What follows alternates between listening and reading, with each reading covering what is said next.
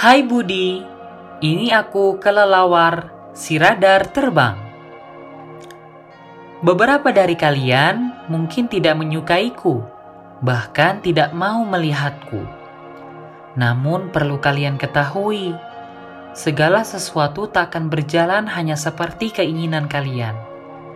Wahai manusia, Tuhan pemilik kita semualah yang menciptakanku hidup di antara makhluk ciptaannya setelah menciptakanku, ia memberiku berbagai tugas dan berada di antara makhluknya. Maka kalian tak punya pilihan lain selain mendengar penjelasanku ini. Dengan begitu, mungkin aku bisa meluruskan berbagai kabar miring tentang diriku dan mengoreksi berbagai kesalahan terkait kelelawar sebangsaku, juga anak keturunanku. Aku tahu ini takkan mudah, karena kebanyakan dari kalian takut dengan kami, kelelawar. Bahkan kalian mungkin tidak mau mendengar penjelasanku. tak masalah. Bisa jadi karena kalian terlanjur menggambarkanku dalam ungkapan-ungkapan sastrawi dengan gambaran tidak baik seperti menatap bak kelelawar, bersembunyi dalam gulita malam bagai kelelawar, kelelawar penghisap darah, dan ungkapan lain senada itu.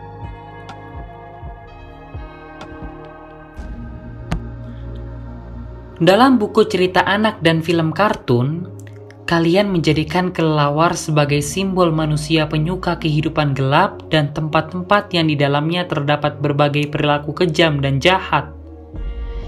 Kami berlepas diri dari segala macam penggambaran tersebut. Kalian memperkenalkan kami kepada anak-anak kalian dengan wajah ini. Hal ini tentu membuat kami sedih dan tak bisa menerimanya sama sekali. Meskipun terdapat lebih dari seribu jenis kelelawar, hanya tiga jenis saja di antara kami yang mengisap darah, dan belum pernah terdengar bahwa mereka menyerang manusia.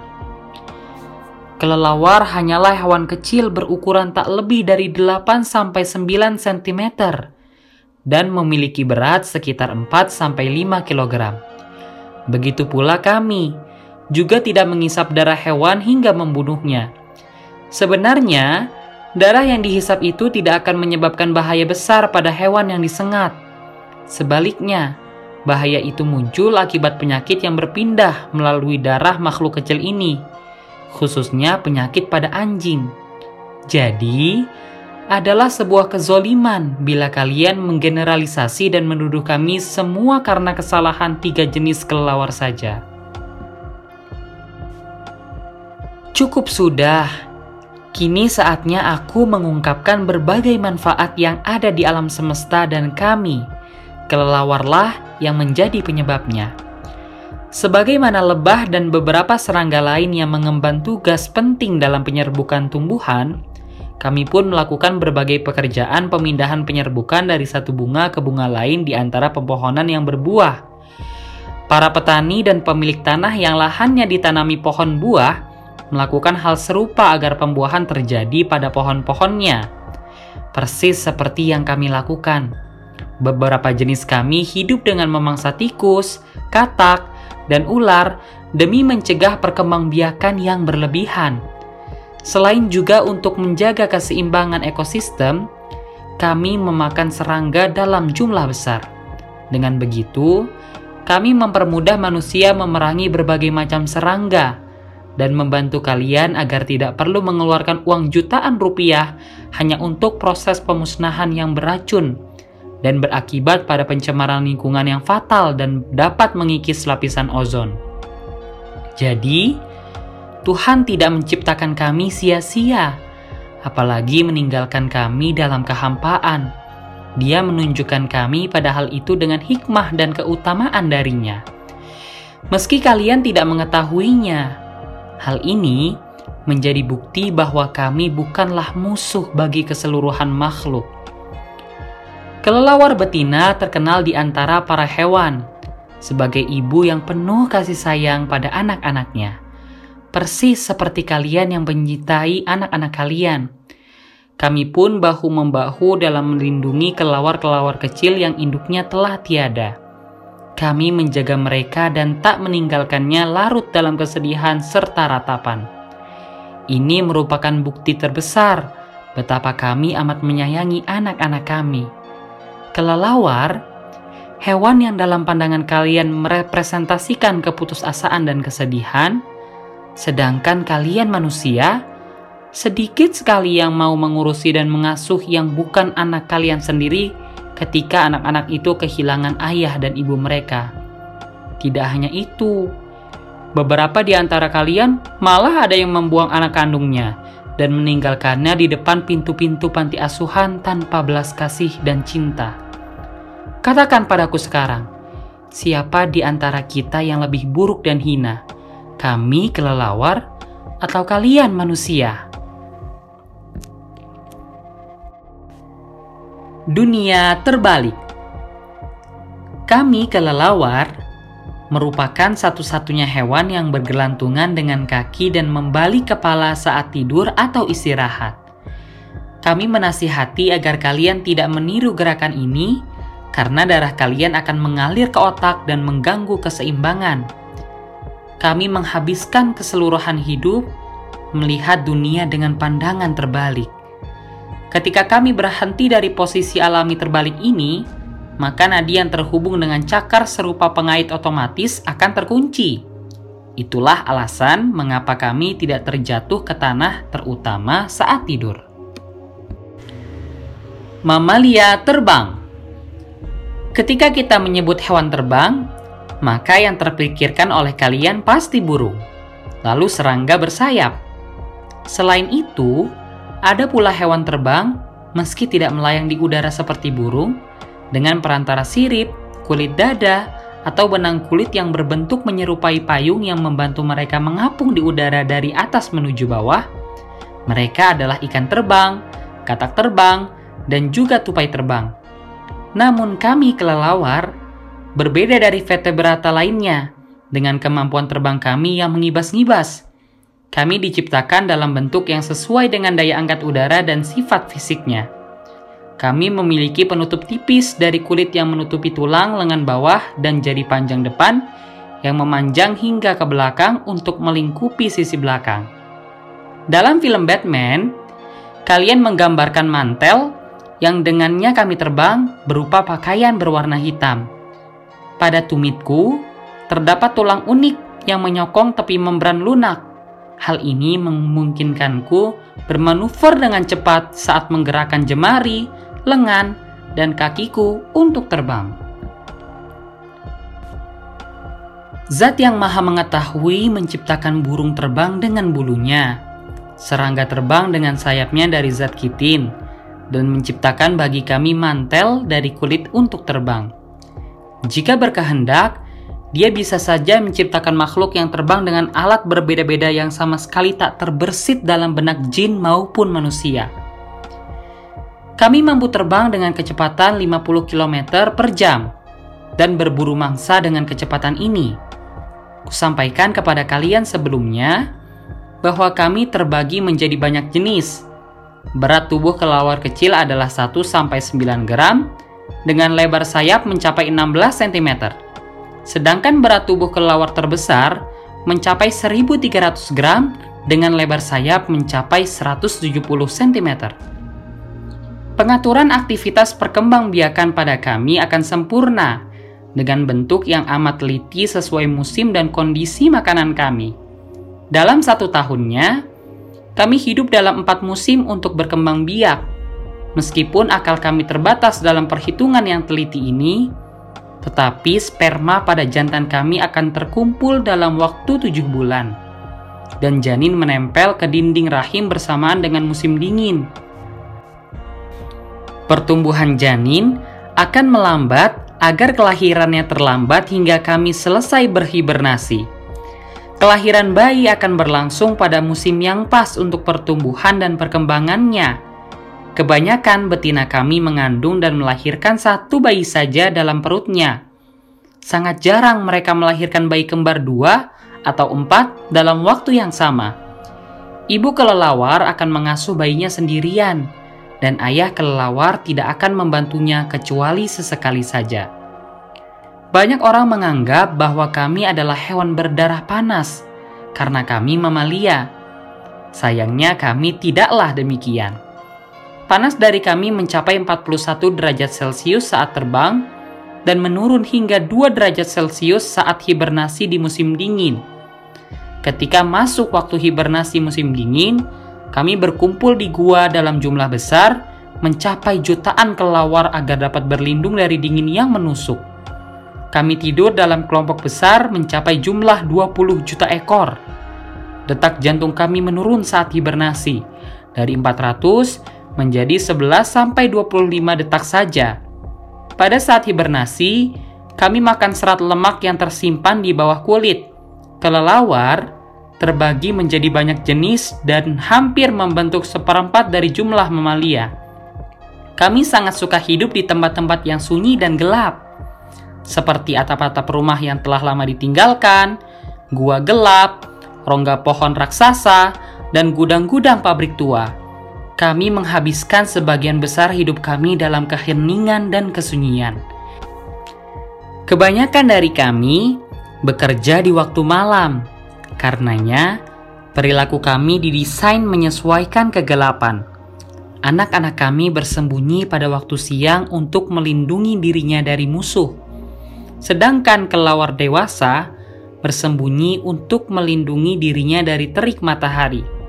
Tikus, katak, hewan melata yang bersembunyi di lubangnya pada siang hari akan keluar pada malam hari dan itu akan mempermudah kami mendapatkan makanan.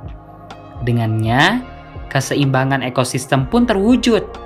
Jika bukan karena kami yang keluar pada waktu malam dan memangsa hewan-hewan itu, maka dunia ini akan penuh dengan hewan-hewan tersebut, dan alam semesta akan kehilangan keseimbangannya karena perkembangbiakan mereka yang berlebihan. Jika kita mengecualikan puncak gunung yang tinggi dan pulau di bawah samudera, maka sarang-sarang kami tersebar di setiap tempat di belahan bumi, termasuk di kutub utara. Sebab, mengapa kami bisa menyebar ke seluruh tempat? adalah karena kemampuan terbang kami yang bergantung pada gelombang suara dan getaran. Jenis kami terbagi menjadi dua kelompok dasar. Kelompok pertama adalah kelawar besar atau biasa yang disebut dengan Megachiroptera. Karena jenis kelawar ini kebanyakan memakan buah, maka mereka tidak memiliki kemampuan menentukan arah dan tempat dengan getaran suara mereka memenuhi kebutuhan dengan matanya. Kecuali jenis kelelawar buah Mesir atau yang biasa disebut dengan Rosetus yang menggunakan getaran suara dan radarnya untuk menentukan arah dan posisi. Kelompok lain adalah kelelawar kecil atau yang biasa dikenal dengan Microchiroptera. Mereka memakan serangga, ikan, katak, tikus, dan hewan kecil lainnya. Mereka memiliki kemampuan ajaib yang bisa mengeluarkan gelombang suara dan menggunakannya untuk menentukan tempat dan benda seperti radar. Ahli radar. Penggunaan gelombang suara dalam penentuan tempat dan jarak dari gema merupakan keistimewaan kelelawar kecil. Radar yang kalian manusia baru pertama kali temukan pada tahun 1930 itu pun setelah berbagai upaya dan penelitian yang lama.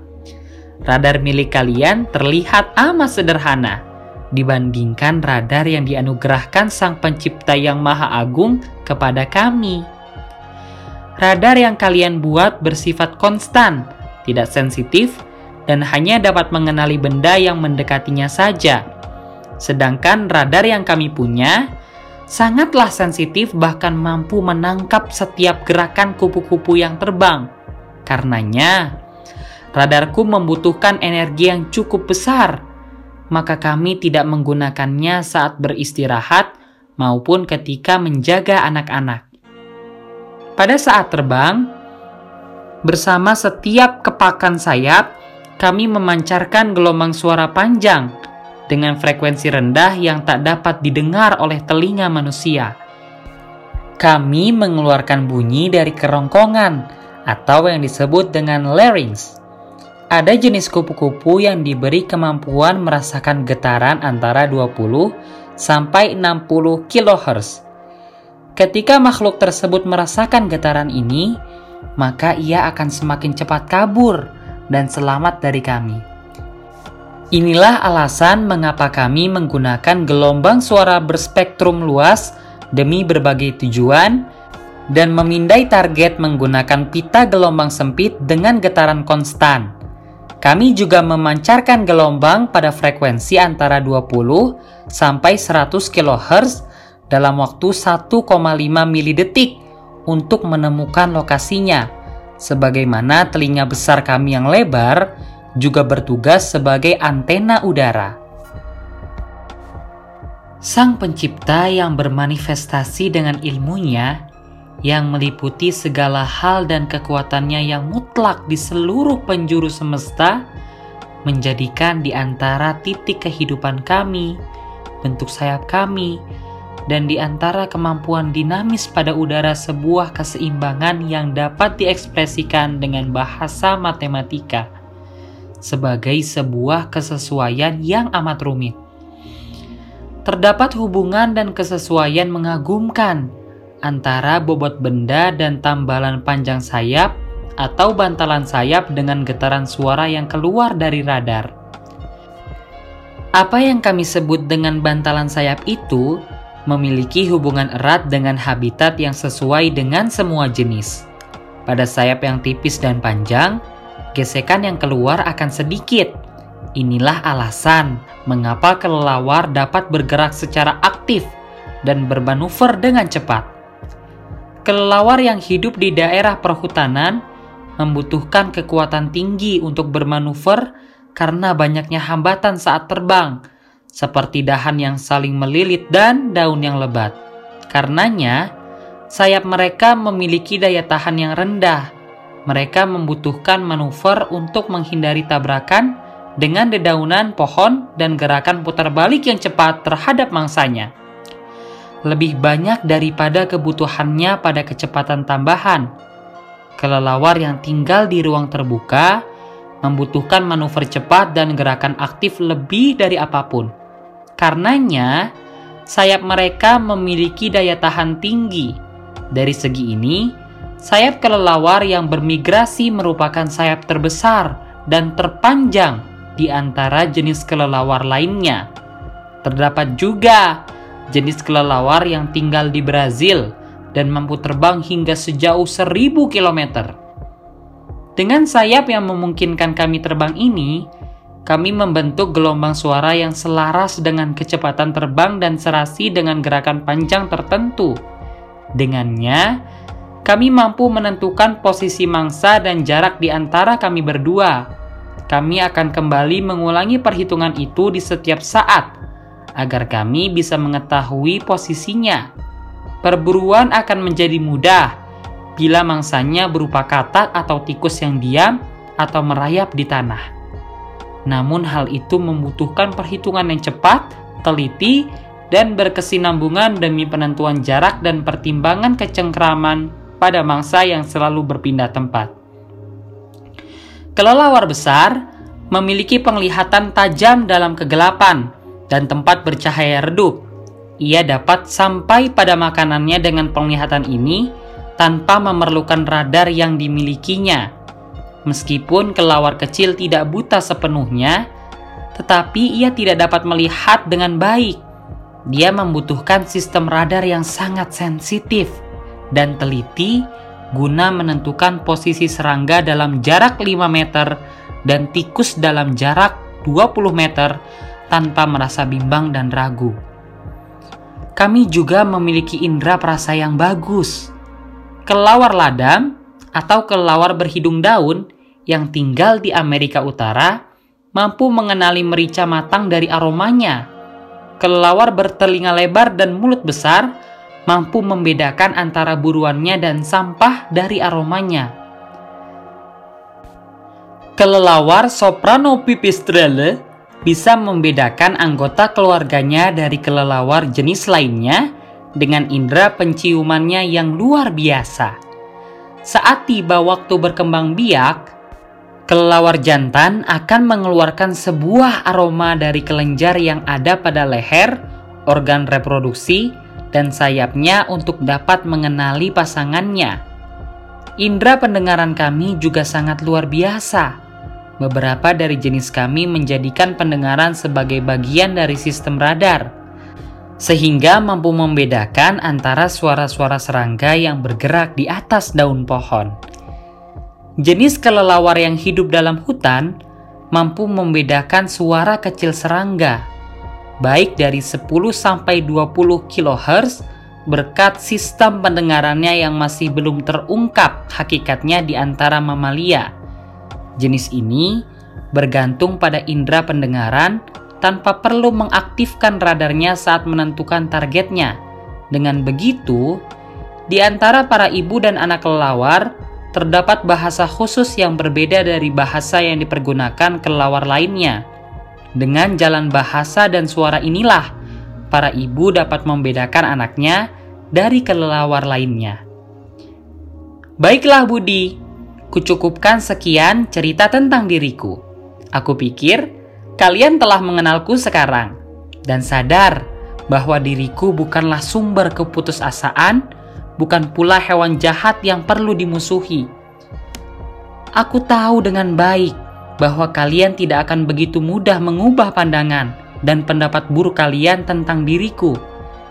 Tentu tidak mudah, apalagi setelah sekian lama aku menjadi simbol dan perumpamaan keburukan dalam kisah-kisah sastra kalian, kan? Kutitipkan kalian dalam cinta kasih Allah tanpa perlu menjadikan beban atas apa yang kalian katakan tentang diriku.